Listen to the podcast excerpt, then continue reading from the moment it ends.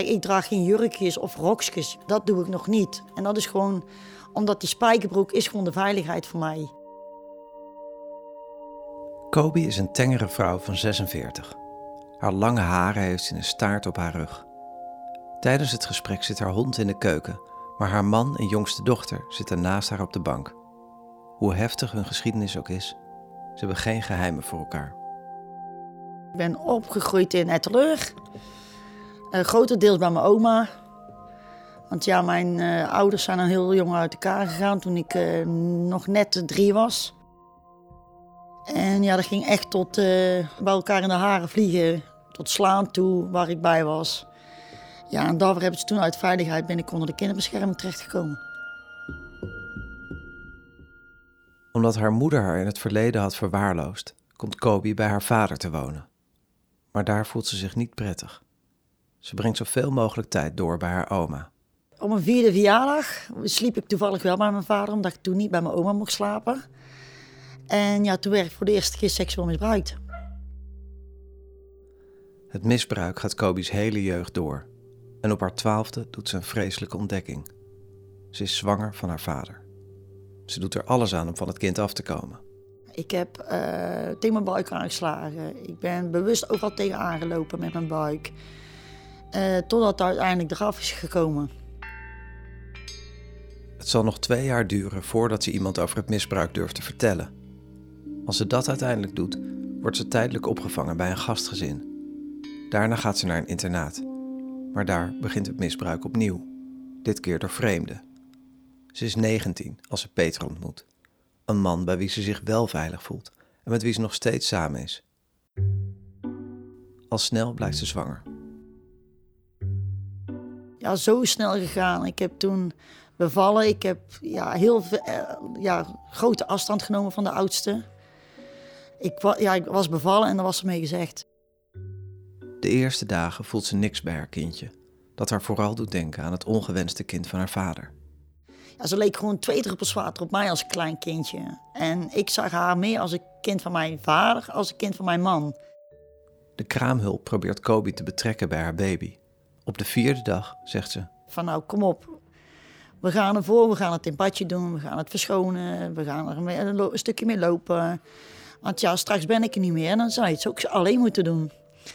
En toen ik uiteindelijk mijn dochtertje in mijn handen had om ze toch in badje te doen, toen is pas eigenlijk die moedergevoel bij mij naar boven gekomen. Het gevoel is er wel, maar ze heeft geen idee wat ze met het kind moet doen. Ik wist niet wat, wat een moeder inhield. Ik heb nooit geen moederliefde gehad. Dus ik had echt zoiets van, ja, en nu? Wat doet de moeder? Uh, hoe gaat de moeder met het kind om? Kijk, ik had alleen maar negatieve ervaring met mijn ouders. Ook financieel is het zwaar. Ja, in mijn achterhoofd zat ik toch weer van, ja, shit. Hoe ga ik alles kopen voor het kindje? Ik had gelukkig net de tante die uit de baby's was.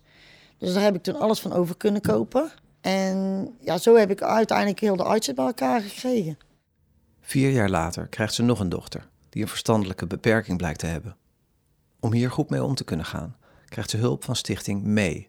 Hulp waar ze erg blij mee is. Maar enkele jaren later slaat het noodlot weer toe. Als Kobe ontdekt dat het tienjarige zoontje van haar man haar oudste dochter misbruikt.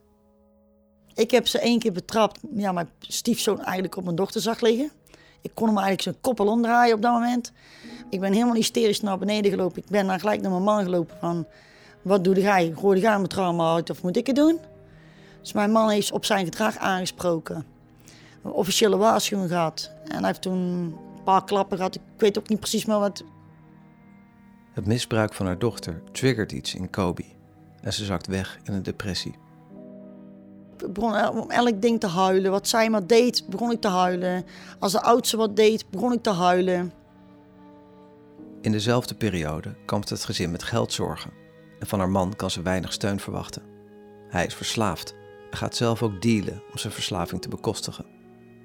Gelukkig komt ze in contact met Prisma, een hulporganisatie voor volwassenen met een beperking. Mensen die een steuntje in de rug kunnen gebruiken. En ik moet gewoon eerlijk zijn, ja, die begeleidster van mij, ja, die, die kan maar lezen en schrijven.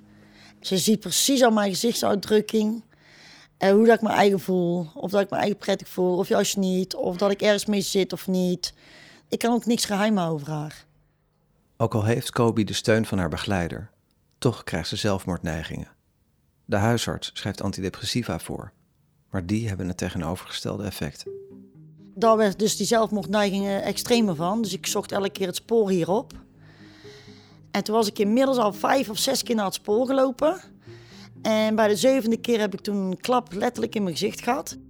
Haar stiefvader vertrouwde het niet en was achter haar aangelopen. Op dat moment was ik wel heel boos. Maar hij heeft mij wel letterlijk wakker geslagen. Ook Greta, de begeleidster van Prisma, is er snel bij. En die heb gewoon gezegd van luister, er moet gewoon andere hulp komen. Want alleen met praten heeft daar geen nut. Ze raadt haar EMDR aan. Een therapie die moet helpen om de trauma's te verwerken. En uiteindelijk heb ik het drie jaar doorlopen. En nou kan ik er gewoon over hebben. Ik, ik kan mijn vader gewoon tegenkomen zonder dat me wat doet. Want ja, die woont hier vlakbij. Dus ja, die kans dat ik hem tegen het lijf aanloop is gewoon heel groot. Maar nee, het doet me helemaal niks meer. Maar de ellende is niet voorbij.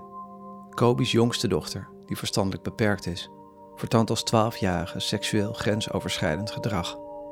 Om haar gedrag te laten onderzoeken, sturen ze haar naar een internaat in Hondsberg. Maar daar wordt ze door een medebewoner verkracht. Ook blijkt dat het misbruik van haar oudste dochter jaren heeft kunnen doorgaan, zonder dat Kobi en haar man het doorhadden. De geschiedenis heeft zich herhaald. Ik probeer juist een goede moeder te zijn. En toch kon ik dat niet tegengaan. Terugkijkend heeft Kobi het gevoel dat er al eerder hulp had kunnen zijn.